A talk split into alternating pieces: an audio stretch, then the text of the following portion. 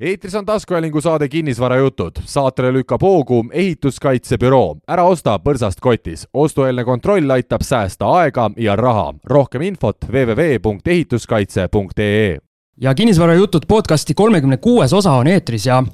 läheb aina põnevamaks, kuna meil on siin külaline, keda ütleme nii, et vähemalt selle ameti esindajad on meil soovitud mikrofoni taha ja algis siis tegi mõned kõned ja tuli kuulajatele vastu esiteks tere, Algis. tere, Siim. on, sul on suur lainaeretus näol. ja hommik on põnev olnud, aga las see praegu jääb, et, et. Lähme kiirelt asja juurde, eks. meil on täna külas kohtutäitur Risto Sepp. esiteks tere, Risto. tere, tere, tere. ja teiseks küsime kohe alguses, kuidas kohtutäituriks saada ja miks sina tahtsid kohtutäituriks saada, alustame niimoodi. jaa, äh, ma arvan, et kohtutäituriks saamise juures on kõige-kõige olulisem asi tahe. ma arvan, et see kaasneb kõikide ametite, kõikide tööd, töödega, mida sa kunagi tahad teha, et, et kui sul on tahe olemas midagi teha, no siis äh, algus on juba tehtud, et, et see on kõige olulisem. siis ma julgeksin öelda, et, et ettevalmistus on üks oluline osa kohtutäituriks saamise juures ja mida ma ettevalmistuse all silmas pean, on pigem pigem peaasjalikult ütleme siis nagu kõrghariduse omandamine, nii nagu seadus ette näeb, et see on õigusalane nõue, bakalaureusekraad vähemalt või võrdsustatud ja siis ma arvan, et sooritus on see nii-öelda viimane etapp. Ja soorituse all ma mõtlen seda, et et vaata, et lihtsalt tahtest ja ettevalmistusest ei piisa, sa pead ikkagi mingisugused tingimused, mis seadusandja on ette näinud, läbima, selleks on näiteks ettevalmistusaeg, kui kaua sa pead olema kohtutäituri büroos töötanud, sa pead olema teinud ära eksami, mis koosneb eraldi veel nii-öelda kolmest osast.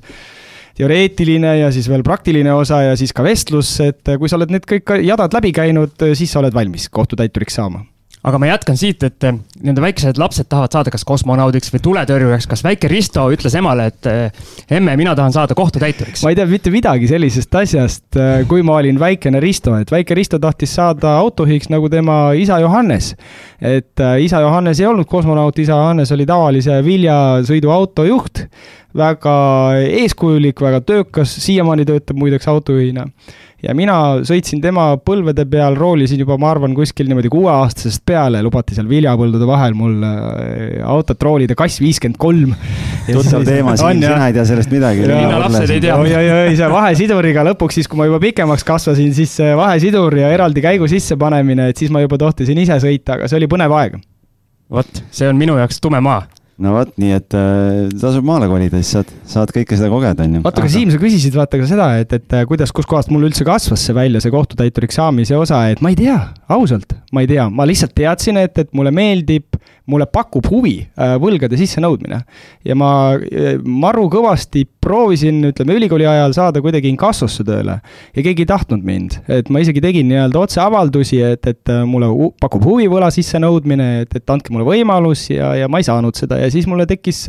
avanes võimalus saada Tallinna linnakohtu täitevosakonna, tookord oli ta riigistatud süsteem, täna on ju kohtutäiturid nii-öelda erakätes ja ma sain sinna töökoha, kõigepealt praktikale, siis tööle, aasta aega töötasin seal linnakohtus, siis tehti reform ja siis ma sain juba kohtutäituriks ma tahtsingi jõuda sinna küsida, et noh, et kas kohtutäitur on nagu palgatöötaja või olete te ettevõtjad või mismoodi see juriidiliselt välja näeb? tead, pigem on ta algis ikkagi nagu äh, ettevõtja, ettevõtja, sellepärast et nii nagu ma ütlesin ka, et kohtutäitur on noh, ütleme, et ta ei ole enam riigiteenistuja, nagu ta oli kuni kahe tuhandenda aastani, et ka alates kaks tuhat üks märts on siis kohtutäitur äh, äh, riigivõimu volitustega nii-öelda nagu eraettevõtja, tal on üks õiguslik vorm, et, et ta ei, ta ei tohi olla näiteks aktsiaselts või, või ta ei tohi kanda osaühingu vormi, ta peab olema FIE alati. Et äh, kõrgendatud maksumäär olemuslikult, aga, aga mille pärast see seadusandja poolt niimoodi on tehtud, ma väidan, et tagada see ametist tuleva nii-öelda nagu noh, kaitsefunktsioon, vaata. et äh, kohtutäiturile on antud hästi palju ameti kaudu volitusi isikute vara võõrandamiseks ja FIE vastutus on ju kogu varaga osaühing vastutab, vaata, osaühingu varaga, kui sa nagu mingi väga julma teoga hakkama ei ole saanud ja juhatuse liikme isiklikku vastutust ei kanna, siis FIE vastutab kogu oma maise varaga aga minu küsimus on, et miks üks inimene peaks üldse tahtma kohtutäituriks saada, sest ma eeldan, et enamus inimesi, kes sinu nii-öelda klientideks on, need ikkagi kohtutäitureid ju silma otsaski ei salli mm. -hmm. tead, äh, ma ei ma ei oska öelda, miks, ma arvan, et, et, et, et võib-olla seda ei oska öelda ka teised kohtutäiturid, kes on vähemasti algselt kohtutäituriks päris ameti alguses saanud. Nüüd tagantjärgi, kui ma olen juba kakskümmend aastat kohtutäitur olnud, siis ma tõele au andes näen seal mingisugust sotsiaalset, sotsiaalset nagu momenti taga, kuigi üks äh, vandeadvokaat äh, Katrin Prükk kunagi, kui me olime temaga koos kohtutäiturite ja pankrotihaldurite kojas eksamikomisjonis ja meil tuli üks kandidaat sinna ja ütles, et, et noh, et Katrin Prükk siis küsis, et, et noh, et aga miks sa seda tööd tahad teha, on ju, ma tahan võlgnikke aidata, ma tahan inimesi aidata. Ja siis Katrin Prükk väga ilusasti ütles, et aga siis võib-olla sa peaksid hakkama sotsiaaltöötajaks. Et äh, tookord see tekitas mulle muige näole, aga täna tagantjärgi ütlen, et, et kui ma vaatan täitemenetluse kaudu, ütleme, tehtavaid toiminguid, mis kohtutäitur teeb ja need ei ole ainuüksi nii-öelda kutse väljasaatmine ja arvelduskonto arestimine, vaid ka näiteks laste suhtluskorra tagamine või kohustava lahendi täitmine, siis seal on nõndavõrd palju seda sotsiaalset nii-öelda nagu momenti juures ja selle kaudu äh, täituri töö kaudu ma julgen väita, on väga paljud kohtutäiturid suutnud äh, inimesi paremaks saada, tervendada, vähemasti nende omavahelises suhtes noh, kui me räägime näiteks elatisraha sissenõudes või laste suhtluskorra tagamises, et seal on ju pidev see vanematevaheline niisugune nagu vägikaika vedu, et teha lõpuks inimestele noh, lastevanematele selgeks, et kuulge, lõpetage see ära, et see lõhub teie lapse ära. see, kuidas te nagu riidlete ja, ja tirite ühest käest last ja teine teisest käest, et et see, mida me tööga näeme ja kuidas me saame ennatlikult lastevanematele näiteks öelda, kuidas võiks käituda, et mitte lõhkuda last siis ma näen, et seal on niisugune teatav pro bono sotsiaalne efekt on töös taga, mis, mis mulle täna on nagu apetiitne. Kui me nüüd räägime, hakkame vaikselt suunda võtma sinna kinnisvara poole, et siis äh, kui palju üldse nii-öelda kinnisvaraobjektidega tegelemine versus nagu kõik muud asjad, et äh, kui, kui suurel määral see kinnisvara seal pildis on mm? -hmm. ma proovin veel kord, Algis, natukene veel kaugemale minna või suuremat pilti anda, et, et kui ma räägin üldse varale sissenõude pööramisest, et täitemenetlus olemuslikult ja võlgade sissenõudmine ei ole eesmärgistatud igal juhul võlgniku vara arestimiseks või võlgniku vara müümiseks, selle me võiksime kuulajatele kohe selgeks teha. samamoodi kinnisvarale nagu sissenõude pööramine. ta ei ole valdav osa kohtutäituri igapäevatöölauast, ta võib välja paista sellisena, aga ta ei ole valdav, et, et ütleme, et kui mina võtan täitmisele iga aasta umbes kaks kuni kaks pool tuhat toimikut, siis, äh, siis, siis nendest on ikkagi miniatuurne osa, kellel on nii-öelda nagu vara ja veel miniatuursem osa, kellel on kinnisvara, millele sissenõue pööratakse. okei okay,, et me räägime noh, mitte kuidagi halvustavalt öeldes, aga ikkagi sellisest nii-öelda noh, põhjakiht ei ole ka õige, aga noh, selles mõttes, et ikkagi nii-öelda olemuslikult võib-olla sotsiaalsematest probleemidest täna, kui, kui me räägime ikkagi nii-öelda ainult äh, suurtest äh, summadest ja, ja kullast ja karrast siin. jaa, tead, sinna satub igasuguseid vahele, et sinna satub ühe kümnendik kinnisasja kaasomandi osasid ja siis satub vahele sinna kahe koma seitsme miljoni suurune eramu, eks ju, kuskil Viimsis. et äh, seal on igasuguseid projekte, mis on lõpuni ehitamata, maatükke tead, seal on äärest ääreni kõiki asju, et, et seda ei saa nagu nii kindlalt öelda, et see on ainult sotsiaalne projekt, eks ju, et, et seal on nagu halvaks läinud laenusid, seal on probleeme, mida ei suudeta suurte arendajate poolt nii-öelda lõpuni viia, et, et sa ei saa ettevõte, kes on nagu ütleme, suunitlusega ikkagi kinnisvaraarendaja, öelda, et seal on sotsiaalne probleem taga, et, et äh, see probleemistik on ikkagi äärest äärde aga mulle tundub, et kui eh, sinu töölauale satub nii-öelda äärest ääreni sellist kinnisvara, et siis sa pead olema väikest viisi ka kinnisvaraekspert ühel hetkel, et eh, aru saada võib-olla kui eh, või mis see vara väärt on ja nii edasi, et mm. on see nii? jaa, no ütleme niimoodi, et ma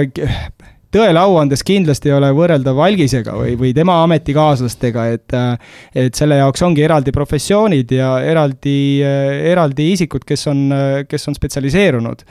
aga vaieldamatult kohtutäitur, eriti kui ta on nii pikalt tegutsenud nagu, nagu minu kolleegid ja võib-olla ka mina, sa mingit moodi ikkagi muutud, vaata, eksperdiks, et äh, sul mingisugune, no ütleme, et niisugune mass enda müüdavast portfellist või, või kinnisvarast, mis sul aasta jooksul on välja kujunenud, ikkagi tekitab sul mingisuguse assotsiatsiooni, mingi tunnetuse ja isegi kui sa ei leia või ei osu, ei suuda nii-öelda hetkel seda tunnetust leida, siis sul on selle jaoks abimehed alati olemas, no maa-ametid ja kinnisvaraportaalid, mille kaudu nii-öelda anda mingisugustki ligikaudset äh, väärtust sellele asjale ma siin kohe torkakski vahele meie ühe nii-öelda Facebooki grupis, me lasime inimestel küsimusi ka esitada ja siis Sander ongi küsinud, et noh, et kas sellel on eetiline või mingi muu põhjus, miks kohtutäitur ei võiks hoopis ise endale soetada vara, mis on tema kaudu sundmüüki mm -hmm. tulemas, et kas seal on mingi mm, -hmm. mingi põhimõte on seal taga? ei ole, ei ole mingit põhimõtet, ta peabki mitte ainuüksi olema, vaid tegelikult ka näima ausana et äh, vaadake nüüd asjale otsa väga lihtsalt, et Sander oli küsija, eks ju, no vot Sander, et äh, minul kohtutäiturina, kui ma kellegi vara müün, on kõige suurem, kõige detailsem ülevaade sellest varast, seest, väljast, pealt, õigustega, ilma õigusteta, kõik jutud on mul selged ja kui ma nüüd ütleme seda õigust ära kasutan, no mäletate, mis juhtus, ütleme rahvusvaheliselt ka valuutaturgudel, et, et kuidas tegelikult ette antud informatsiooni ei tohi tegelikult maakler ära kasutada. ma arvan, et see ülekantud tähenduses läheb täitemenetlusse ka ja kohtutäitur peab olema aus ja kõlbeline, seda ütleb seadus, siis kui ma ametisse sain vannutatud läbi minister Raski, siis ma käsipühalikult piiblil, kui võib öelda niimoodi, seda kinnitasin, et, et ma jään ausaks ja kõlblikuks ja ja ka kohtutäituri seadus ütleb, et kohtutäitur peab jääma nii-öelda subjektiivseks kõikide menetluspoolte ees. et äh, kui see nii oleks, siis Sander, ma julgen öelda, et kohtutäitur võiks enda positsiooni ära kasutades saada oluliselt äh, parema hinnaga eelinfot omades vara kätte ja see ei ole võlgniku ega ka sissenõudja, kes siis raha saab sealt huvides et kohtutäituri eesmärk on ikkagi siis nii kalli hinnaga müüa kui, kui võimalik, et saada kõik äh, nõuded kaetud ja jääks seal üle ka, on ju. Mm. Siim Aga, on mõtliku näoga. ja ma jäin nii-öelda mõtlema, et äh, kuidas üldse see müügiprotsess välja näeb, kui sul on äh, nii-öelda vaja nüüd see vara realiseerida räägi, räägi palun algusest peale lahti, et kuidas mhm. see, kuidas ja, see kõik käib? ja no number üks, kõigepealt kohtutäitur alati keelustab, kui me räägime kinnisvarast, keelustab alati selle kinnisvara äh, nii-öelda valduse kasutamise, valdus jääb, aga kasutamise õiguse või käsutamise õigem oleks öelda õiguse ära. see tähendab seda, et ta lukustab selle kinnistusraamatu, seal enam miskisuguseid õigusi, ma ei tea, üüri, rendi, hüpoteeke, omanike vahetusi ilma kohtutäituri lahke loata teha ei tohi selle järgselt kohtutäitur koostab restimisakti ja selle järgselt ta paneb äh, vara müüki ja kõik see protsess, mida ma just kirjeldasin, saab lõpetatud reeglina kahel või peatatud reeglina kahel viisil, kas siis makstakse see võlg ära või siis äh, keegi läbi kaebemenetluse, läbi kohtu peatab selle protsessi. et kahel viisil on võimalik seda ainult toimetada. ja siis siin kohe kuulaja Mari küsib, et kuidas kujuneb selle objekti alghind, mis läbi kohtutäituri müüki läheb? no kõige lihtne, kõige algsem või kõige, ütleme, niisugune juuretasandine nõue on ikkagi võlgniku ja sissenõudja kokkulepe, sellest peab kohtutäitur lähtuma. et äh, kui võlgnik ja sissenõudja ütlevad, et äh, see vara maksab miljon, siis see vara alghind ja vara arestimisväärtus määratakse ka arestimisakti miljon. ja sellest lähtutakse. nüüd järgmine samm on see, et, et mis on ka päris valdav täitemenetluses, et aga mis siis, kui ütleme, võlgnike sissenõude kokku ei lepi, et mis siis saab? siis ütleb seadus, et, et vot siis määrab või näiteks neid, nendest ühte arestimise juures ei ole äh, siis määrab selle alghinna kohtutäitur ja kuskohast kohtutäitur võtab, tema lähtub turuväärtusest ja, ja siis see turuväärtuse hind, mis läheb arestimise akti, saab olema ka nagu alghinnaks enampakkumisel. niimoodi see hind kujuneb. ja siis Sandril on veel üks küsimus, mis kohe siia haakub, et eh, kuidas kohtutäiturid oma tasu saavad, eh, kas kuidagi on see seotud selle müüdava objektiga ka? ja, ja ta on natukene sarnane kusjuures äh, kinnisvaramaakleritele, sellepärast et kinnisvaramaakleриtel on ju lepinguline suhe müüjaga äh,, seal on protsendivahemik, reeglina on see seal null kuni viis sõltuvalt objektist, täituritel on see seadusesse kirjutatud, see ei ole nii-öelda kokkuleppeline võlgnikuga. et kui oleks see kokkuleppeline võlgnikuga, siis tõenäoliselt võlgnik ütles, et sa ei saaks mitte midagi. aga sellepärast, et see, ütleme, maakleritega erinevus täiturite vahe on ju see, et, et maakleri juurde tullakse, öeldakse, et kuule, et mul on korter, mul on kinnistu, ole hea, aita mind müügis, siis täiturite vahe on see, et sul on mingisugune sisend täituril olemas, selle nimi on võlgnevus ja selle võlgnevuse kaudu, kui sa ikkagi ära ei maksa, kokkuleppeid ei tee, siis lõpuks pööratakse, võetakse jõuga sult see vara ära. ehk siis võlgnik ei anna vabatahtlikult kohtutäiturile müüki, vaid riigi ametiõigusega on kohtutäituril õigus müüa sundkorras seda vara ja siis äh, Sander jätkab oma küsimust veel, et äh, põhimõtteliselt selle nii-öelda maakleri aspektiga seoses, miks, miks kohtutäiturid ei palka maaklerid, et äh, Sandri arvates on enamus, tema ütleb üheksakümmend üheksa koma üheksa protsenti kordadest müüdavate objektide pildid ja see kuulutuse info allpool igasugust arvestust. esiteks, kas sa nõustud sellega? ja, ja, ja Sander, ma vaidlen vastu. Juristi kombel ma vaidlen vastu. Um, üldiselt võib-olla tõesti, et, et no veel kord ma ütlen nagu saate alguses ka, et, et täitur enda professiooni mõistes ei ole ju kinnisvaramaakler et tal ei ole sellist pädevust nagu kinnisvaramaakleril, kuigi tal on välja kujunenud tunnetus, arusaam mm,. aga vaidlen vastu selle koha pealt, et näiteks ütleme, et ma ise teen no juba viimased viis aastat droonipilte valdavalt kasutan. et kui ma kinnisvara pildistan, siis ma mingi hetk tabasin, kui droonid tulid nii-öelda laiemalt kasutusse, et miks ma pean kummikutega läbi hektareid nii-öelda nagu metsa käima. et saada sealt metsa seest pildi, kui ma saaksin üles lennutada ja klõksti selle ülevalt teha ja siis ma laiendasin sedasama arusaama tegelikult eramutele kuskil maakonnas. ja siis ma kitsendasin teda veel tegelikult omakorda linna pildis ka, et et kui ma teen Lasnamäelt mingisuguse korteri, panen müüki, on ju, siis on palju lihtsam näidata ülevalt pilti, milline see üheksakordne näe-, äh, välja näeb, ülevalt poolt vaadates ja mitte sellepärast, et tahaks hirmsat moodi teada, mis seal katusel toimub, vaid sellepärast, et anda diagonaalvaade, kus kohas on ristuvad tänavad, mänguväljakud, milline on positsioon seal akna pool ja nende videote kasutamisel ma olen ikkagi olnud üpris aktiivne, et, et äh, ma arvan, et see paraneb, Sander, ära ole nii kuri, Sander. ma tulen korra sinna selle müügi, müügi juurde tagasi tegelikult ja, ja, ja kõik see hind, et meil oli siin tegelikult oligi küsimus äh,, Maril oli küsimus, et kuidas kujuneb objekti alghind ja siis Marti küsis veel, et et millised on müüdava varaomaniku võimalused oksjoni alghinna määramisel kaasa lüüa ja alghinda vaidlustada ka siis, et selle me juba rääkisime ära, on ju. aga siis, siis veel siit, et Marti küsib, et miks müüakse mõnda objekti aastaid, selle asemel, et siis hinda muuta okei okay,, ma proovin selle meelde jätta algis, sest mul tuli praegu just meelde, siin minu arvates küsis Sanderi küsimuse nõnda, et miks täitur ei kasuta maaklerit, see jäi vastamata. see oleks kuidagi inetu praegu, et, et vend nagu proovis kuidagi slikerdada küsimusest mööda, aga tulevad mingid kõrvalteemad ja siis lähen liiga kaugele enda jutustamisega, ma arvan, et no üks põhjus on äh, äh kohtulahenditest tulenev, et äh, jah, ma tean, et praktikas kasutati mingi aeg äh, maakleri teenust, tähendab lõpp, lõppastmes kõik taandub ikkagi nii-öelda nagu rahale välja. et äh, täitur jagab täna enda saadavat nii-öelda protsenti, et kui täitemenetluses on vara müügiprotsent kuni viis vara väärtusest, ja kui maakleritel näiteks on see kokkuleppeline protsent on äh, müügiobjekti saadavast väärtusest, siis täituritel on samamoodi, vahe on lihtsalt selles, et meil on seadustatud see ja seadus ütleb, et see ei tohi olla kõrgem kui viis tuhat. ehk siis isegi, kui ma müün näiteks kahemiljonilist objekti, siis rohkem kui viis tuhat pluss käibemaks ma sealt äh, küsida ei saa. ja sealt, äh, sealhulgas siis ütleme, see viis tuhat on ju vaata kõrge maksumääraga, et FIE-d on kõige kõrgemini maksustatud, meil läheb umbes kuuskümmend protsenti maksudeks.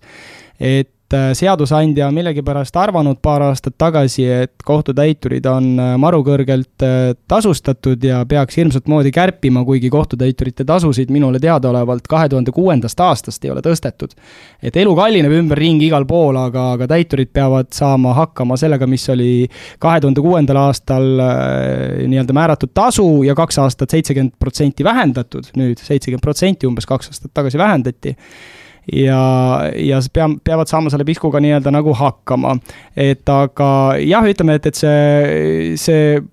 vastus, Sander, võikski olla sulle selline, et, et ma saan selle eest raha, mille ma maksan maaklerile ära. ja sellisel juhul mul ei teki võimalust maksta enda töötajatele palka, kes teevad nii-öelda enamuse massi kohtutäituri tööst ära. ja ma ei suuda üleval pidada ennast. lihtne vastus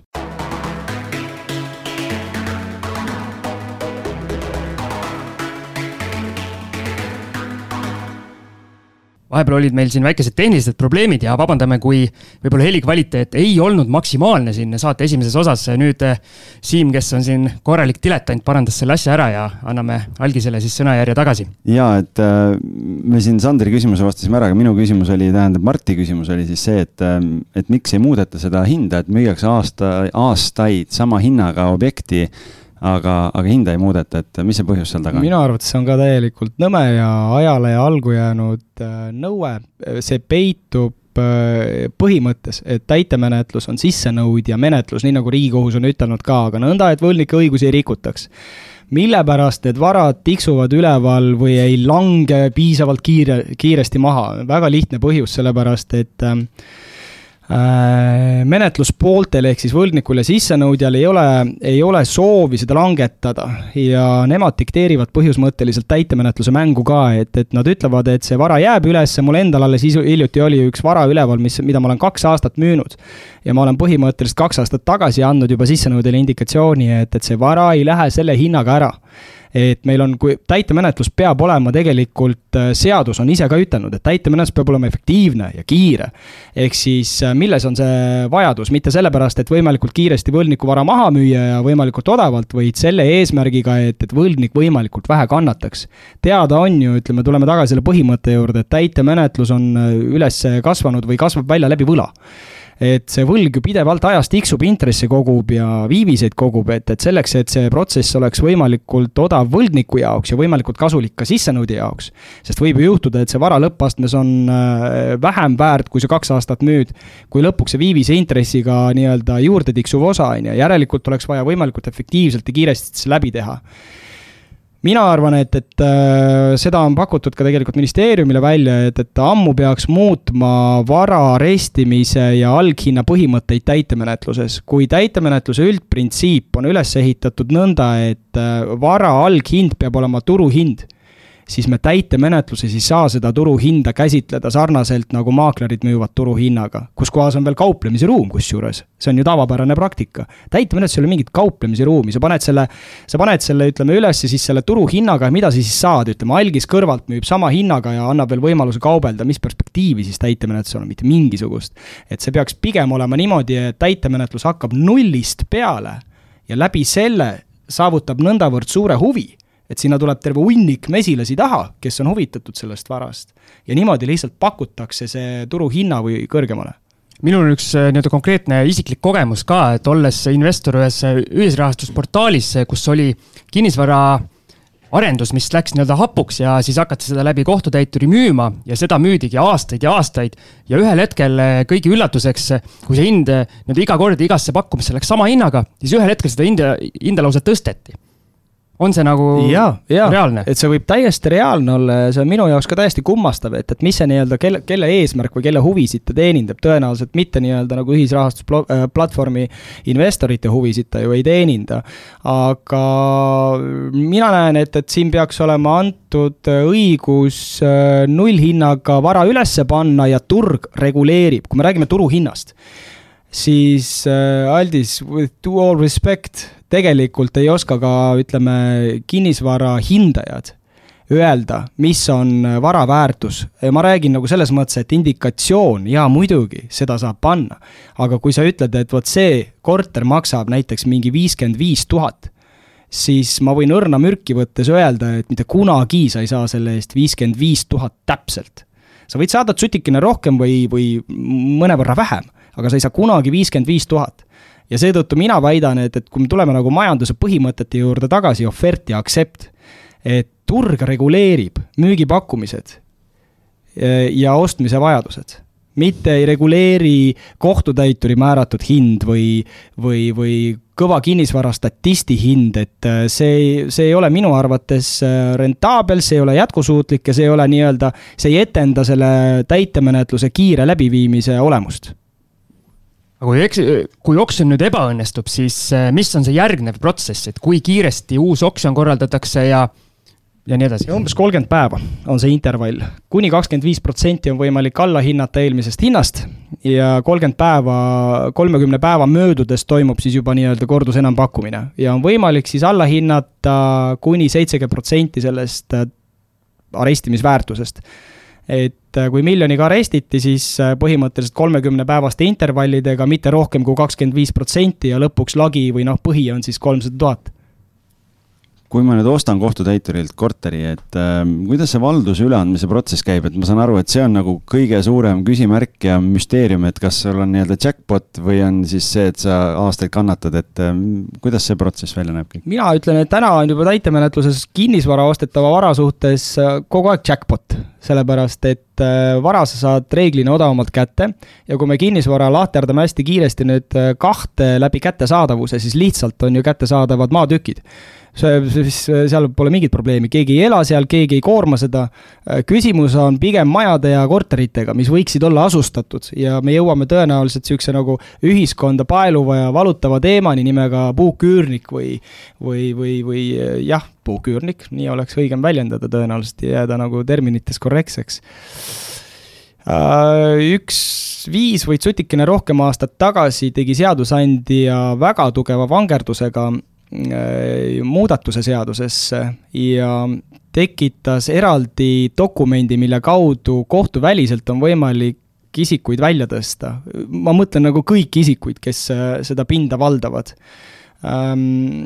Ja see toimub nõnda, kui enampakkumine on lõppenud ja kõik rahad on ilusasti ostja poolt makstud, siis kohtutäitur teeb ju kohe avalduse kinnistusraamatusse uue omaniku sissekandmiseks ja kui nüüd uus omanik on kinnistusraamatusse sisse kantud, siis noh, mina läheksin kõigepealt selle endise omaniku juurde ukse taha koputama ja ütleksin, näed, siin on kinnistusraamatu väljavõte, mina olen uus omanik.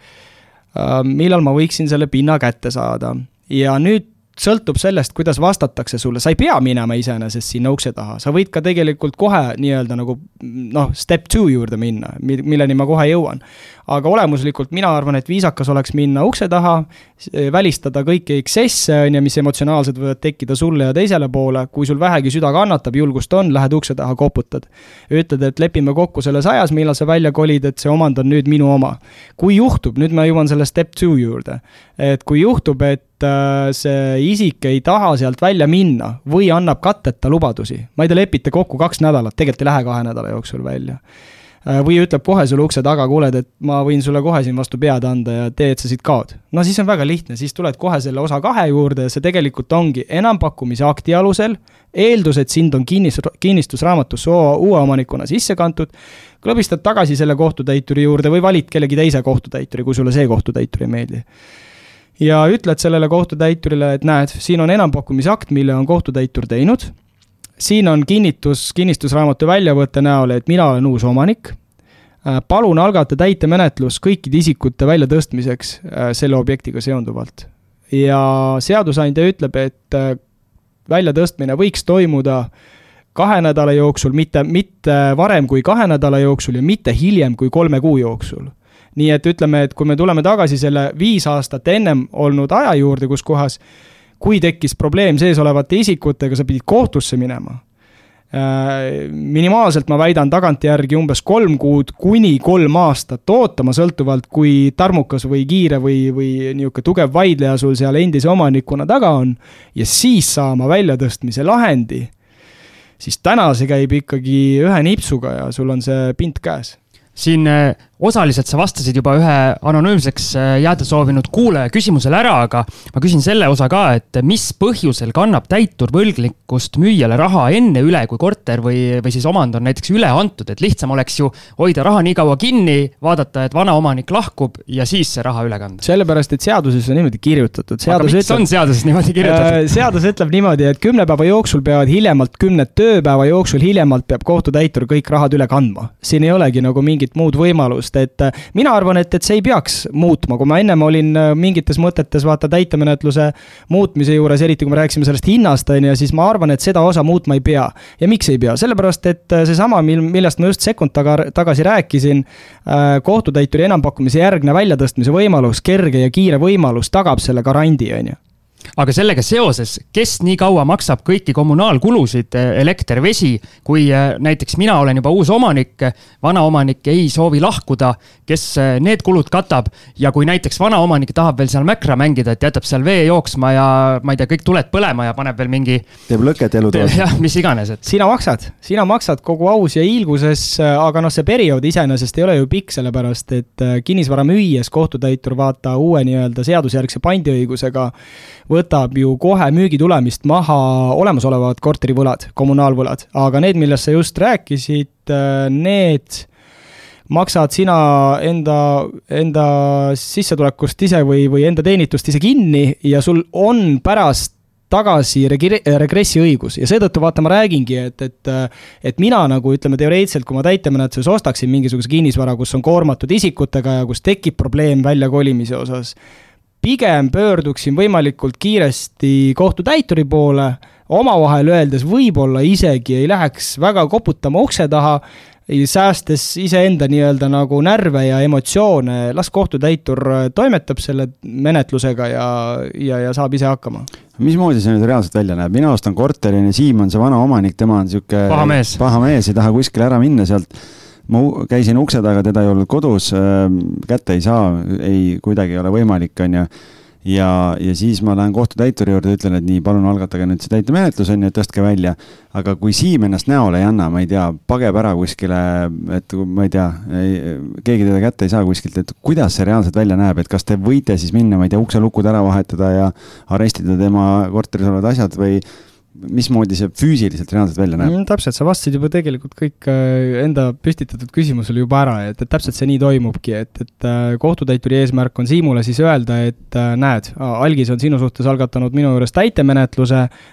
sina pead välja kolima ja ma pean Siimule teada andma, et, et arvesta sellega, et, et sul on nii-öelda vabatahtlik väljakolimise tähtaeg ja kui sa selleks, ja see määratakse dokumendi peal kohtutäituri poolt ära, ja kui sa selleks ajaks Siim välja ei koli,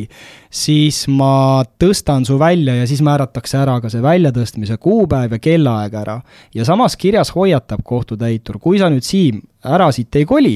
ja enda vara ära ei vii, siis arvesta sellega, et ma tõstan su jõuga välja. ja see on see osa, mis täitemenetluses annab kohtutäiturile õiguse kaasata ka vajadusel politsei. politsei eesmärk ei ole kindlasti mitte lukkusid lõhkuda või ust jõuga avada, vaid tagada korda sealjuures, et kõik oleks koššer ja midagi ei juhtuks, lukuabi teeb uksed jõuga lahti, kohtutäitur, kui on Siim kodus näiteks ja hakkab võimlema, siis äh, politsei vaigistab Siimu, vajadusel isegi eemaldab sealt nii-öelda toimingu juures Siimu ja kui korter on täis Siimule kuuluvat vara, siis kohtutäituril on kohustus äh, väärtuslikku vara, millele jällegi kohtutäitur annab ise subjektiivse hinnangu, et, et kas see vara on väärtuslik või mitte Äh, kaks kuud ja kahe kuu möödudes on võimalik siis realiseerida kõikide nende lahti tegemise kulude, väljakolimiskulude katteks äh, ja hoiu, hoiustamise, vara hoiustamise kulude katteks Siimu korteris olnud vara. Aga seesama pahane kuulaja siis, ma eeldan, et on natukene pahane, et äh, nii-öelda jätkab, et et tema vist tegi kõik selle, selle läbi, mis sa, mis sa, Risto, just rääkisid, aga tema jaoks oli üllatav, et uus omanik pidi kõige selle eest maksma ja kohtutäiturile ka selle väljatõstmise eest maksma. ja siis ta küsib, et kas on võimalik, et täiturid, nagu sina just siin praegu, sellepärast soovitavad seda väljatõstmise asja, et siis eh, endale tööd juurde tekitada. see ei ole mingisugune, mingi imede täitetoiming kohtutäituri juures Äh, kohtutäiturid, ma julgen väita, väga rõõmsasti isikuid välja tõstma ei lähe või, või, või ei pea seda enda mingisuguseks eri, eri ütleme, tasustatud teenistuseks. Kohtutäitur saab väljatõstmise eest küsida kakssada viiskümmend eurot, mille eest ta umbes kuuskümmend protsenti maksab riigile maksudeks. Ja, ja ülejäänud saab endale jätta, sealjuures nii-öelda korralikult näopeksu, noh, ütleme, et verbaalset näopeksu ja, ja kõike muud pahameelt kannatama ja toimetama varemalt kätte dokumente, suhtlema, ma päris tihti suhtlen ka väljatõstmise protseduuri käigus sotsiaal- kohaliku omavalitsuse sotsiaalosakonnaga, sellepärast et isikud ei oska enda õigusi kaitsta, ta ei tea, ta arvab, et ta tõstetakse välja, ta jääb kuuse alla elama, mis nüüd minust saab, et siis peab nii-öelda nagu vahendama ka seda kohaliku omavalitsuse teenust ja teadmist, et äh, noh, seal pakutakse sulle tegelikult, riik mitte kunagi kedagi ei jäta nii-öelda nagu kuskile kuuse alla elama, et, et äh, eluaset, voodikohta, ajutist, pikaajalist, erinevaid võimalusi on nii-öelda nagu riigi käest elamispinna saamiseks olemas, et kas ma vastasin siin su küsimusele või läksin jälle kuskile kõrvale teemast? eks me saame siis seda teada, kui anonüümne kuulaja meile meili saadab. aa, sa ütlesid ja tasu osas, vaata, tasu ongi nüüd niimoodi, et kohtutäituri tasustamise põhimõte on üles ehitatud Eesti täitemenetlussüsteemis niimoodi, et võlgnik maksab kõik jutud aga täituril on õigus küsida alati ettemaksu ja ettemaksu ei küsita mõistetavalt võlgnikult, vaid küsitakse nõudjalt et kui oli see, vaata, algis sinu poolt, sinu poolt toodud nagu see kaasus, on ju, et, et sina oled see ostja ja Siim on see pahalane, on ju, siis ma ei küsi Siimu käest raha, vaid küsin sinu käest ette raha. ja see on üheksakümmend kaks eurot et äh, üheksakümmend kaks eurot ma küsin su käest ette ja ma võin iseenesest täiendavalt, kui ma näen, et äh, sina ei taha tegeleda näiteks lukuabiga ja vara väljavedamisega, et siis ma võin sulle nii-öelda nagu ettemaksuks äh, veel täiendavalt mingisuguse nõudmise esitada, öelda, et kuule, et kogu väljatõstmise protsess, eks ju, läheb nii palju maksma, et maksa ole ja ette see raha ära. ja kui on näha, et, et sellest rahast oli prognoositult liiga palju, sellepärast et ma ei tea ju, kui palju vara seal Siim sisse on jätnud väljakolimise päeval. ma olen võib-olla käinud pildistamas vara, ma näinud, ütleme, olen seest, et no vot sellel hetkel, kui ma vara arestisin mingi mitu kuud tagasi, oli seal umbes selline kogus, on ju, aga ma ei tea, milline see täna on, sest Siim ei lase mind sinna korterisse sisse, ma saan sisse väljatõstmise päeval. Ja seetõttu ma pigem võtan natukene võib-olla rohkem sissenõudja käest ettemaksu kõikide kulude katmiseks, aga ma kannan selle pärast algisele tagasi sellepärast, et kui ma näen, mis oli reaalne nii-öelda kulu, kui palju oli esitatud arve näiteks lukuabi eest või kui palju oli vara väljakolimise eest, siis ma ülejäänud osa annan, annan algisele tagasi. ja nüüd, kui on see protsess nii-öelda läbi viidud ja kui mul on kulud teada, on ju, siis ma lõppastmes küsin selle kõik ikkagi Siimu käest. aga reaalsed käärid on vist on selles, et eh, nii-öelda algis teab, kui ta ostab juba selle oksjoni vara, et siis Siimul tegelikult ei olegi mingit raha, mida ka pärast välja nõuda ja siis jääbki ainukene, vot see ongi see põhjus tegelikult, mille pärast kohtutäiturid võtavadki sissenõudja käest ettemaksu. et ei tahaks seda mängu nii-öelda ise kinni maksta, sest veel kord tuletan meelde, kohtutäitur ei ole riigiametnik, ta ei saa kellegi käest palka, süsteem on üles ehitatud nõnda, et täitemenetluses nii-öelda palga kirjavahemärkides maksab äh, võlgnik läbi läbi selle siis äh, teenuse, kas siis vabatahtlikult ehk siis ise või siis läbi aresti, aga, aga reeglina, mis on praktika näidanud, ütleme, et kui inimene ikkagi elamispinnalt välja tõstetakse, siis no mõistetavalt ega tal väga enam tagataskus midagi võtta ei ole. harvad on need juhtumid, kus on nii-öelda nagu Siimul siis korterisse veel jäänud mingisugune vara ja see vara on väärtuslik, mida ma saan enampakkumise kaudu jällegi müüa. ühesõnaga, ma saan ma õigesti aru, et meie kuulajad võiks siit kaasa võtta selle, et kui sa lähed oksjonivara ostma, siis sa pead juba eelnevalt eh, enda jaoks sisse arvutama kõik need, eh, need summad, mis eh, võivad kaasneda selle väljatõstmise ja kõigega, ehk siis sa oled ette selle oma Excelisse pannud,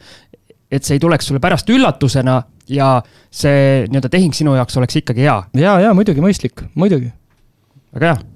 kuna me teame, et noh, kohtutäituritel on äh, hästi kiire kogu aeg, on ju, ja, ja. kiirem isegi kiirem kui algisel. isegi veel kiirem jah, et, et, et siis äh, võib-olla hakkame otsi kokku tõmbama lihtsalt, et, et sa ei jääks järgmisele kohtumisele hiljaks, nagu enamus maaklerid jäävad, on ju siis äh, üks kü-, anonüümne kuulaja on küsinud veel sellise küsimuse, et see on vist seesama kuulaja, et jube kuidagi pahase, pahase tooniga on need küsimused kõik.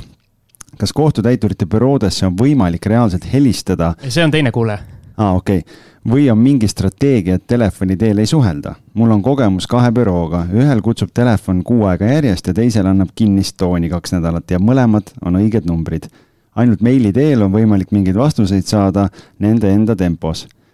lisame siia juurde, et mainitud bürood ei ole seotud meie tänase saate külalisega, et aga, aga kuidas sa kommenteerid seda? eriti see viimane mulle meeldis see viimane mulle meeldis. ja ei, ma olen kuulnud, on ju, et äh, austusväärsed kuulajad ka, et, et äh, ma vabandan kõikide kohtutäiturite nimel äh,. kui on jäänud äh, teie ootuspärasest tempost äh, kirjad kuidagi ootele või vastamata seadus iseenesest kohustab kohtutäiturit vastama kõikidele kirjadele viivitamatult, aga mitte hiljem kui äh, noh, kuu aja möödudes. et, et noh, ütleme, et kui me täna, ma ütlen täiesti siiralt, kakskümmend aastat tagasi kuu ajaga hilinemisega vastata või no ütleme, kaks nädalat hilinemisega vastata äh, oli täiesti tavapärane, ütleme, et, et me ju näeme seda elutempot, milli-, kui kiireks ta on läinud, siis tegelikult täna oodatakse seda vastust mitte kuu aja pärast, mitte kahe nädala pärast, vaid nüüd et et äh, minu vabandused kõikidele, kes kuulavad meie podcast'i täna, et äh, me proovime tõesti vastata, me tinglik-, teadlikult ei hoia enda nii-öelda meelega neid vastuseid kinni. Äh, nii nagu ma ennem ütlesin ka, et mul on kaks tuhat, umbes aastas kaks tuhat viissada nii-öelda nagu kaasust, ma pean majanduslikult ise kalkuleerima, kas ma suudan endal nii palju töötajaid võtta, et, et, et tagada see nii-öelda nagu tunni aja möödudes küsimuse saatmise järgne vastus või mitte. et keegi mulle selle eest mingit lisateenistust ei anna ja, ja sealjuures ma pean oma naha ja karvadega kõige nagu kõikide nende toimingute eest seisma ka, mitte ainuüksi kohtutäitur, vaid kohtutäituri kõik büroo töötajad ka, ma vastutan ka nende eest. et minu ülesanne on, et, et see büroo peaks korralikult töötama, et äh, teenus oleks kvaliteetselt ja operatiivselt esitatud, aga kuulajale niimoodi, et mul ei läheks nii-öelda poliitiliselt see kuidagi laialivalguvaks, see vastus, võib-olla oleks mõistlik äh, ettepanek teha, et, et äh, et proovige küsida ikkagi meilitsi, esiteks jääb märk maha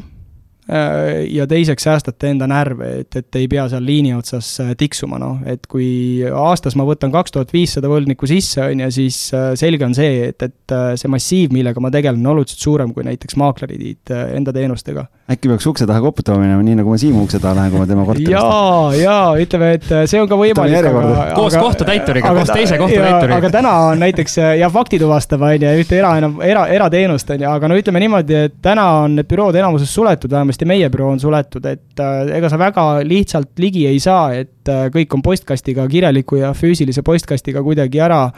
sildistatud ja, ja, ja telefon on alternatiiv, aga ma arvan, et, et kõige lihtsam oleks ikkagi seda meilitsi teha. aga ma arvan, tõmbame täna siia joone alla, sest Ristol on väga-väga tähtis koosolek ees ootamas ja laseme ta loomulikult sinna, kuid meil siin saate eel oli juba nii-öelda salamisi kokku lepitud, et, et tuleb mingil hetkel ka osa kaks. et vabandame kõigi kuulajate eest, kelle küsimus võib-olla meil siin silmade vahele jäi praegu, et kutsume Risto millalgi uuesti, uuesti ja, saatesse. alati valmis nagu, nagu pioneer, et, et aga võib-olla kuulajatele ka, et, et küsige siis rohkem, et, et küsige veel juurde, et, et kui praegu jäi mingitest jutu äh,, jutulõngadest veel mingid küsimused üles või tulid uued, et äh, küsige juurde ja hea meelega teeme osa kaks. ma arvan, et selle osa kahes me võiks võib-olla kogu selle ostuprotsessi sisse kaevata lihtsalt, et kui ma siis,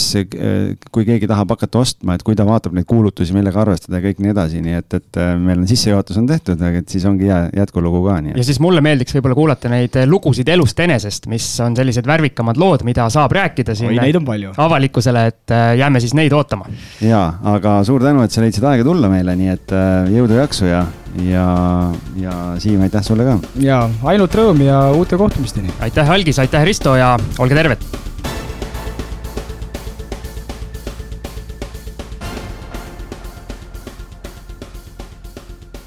kinnisvara ostueelne kontroll aitab säästa aega ja raha. vaata lisa www.ehituskaitse.ee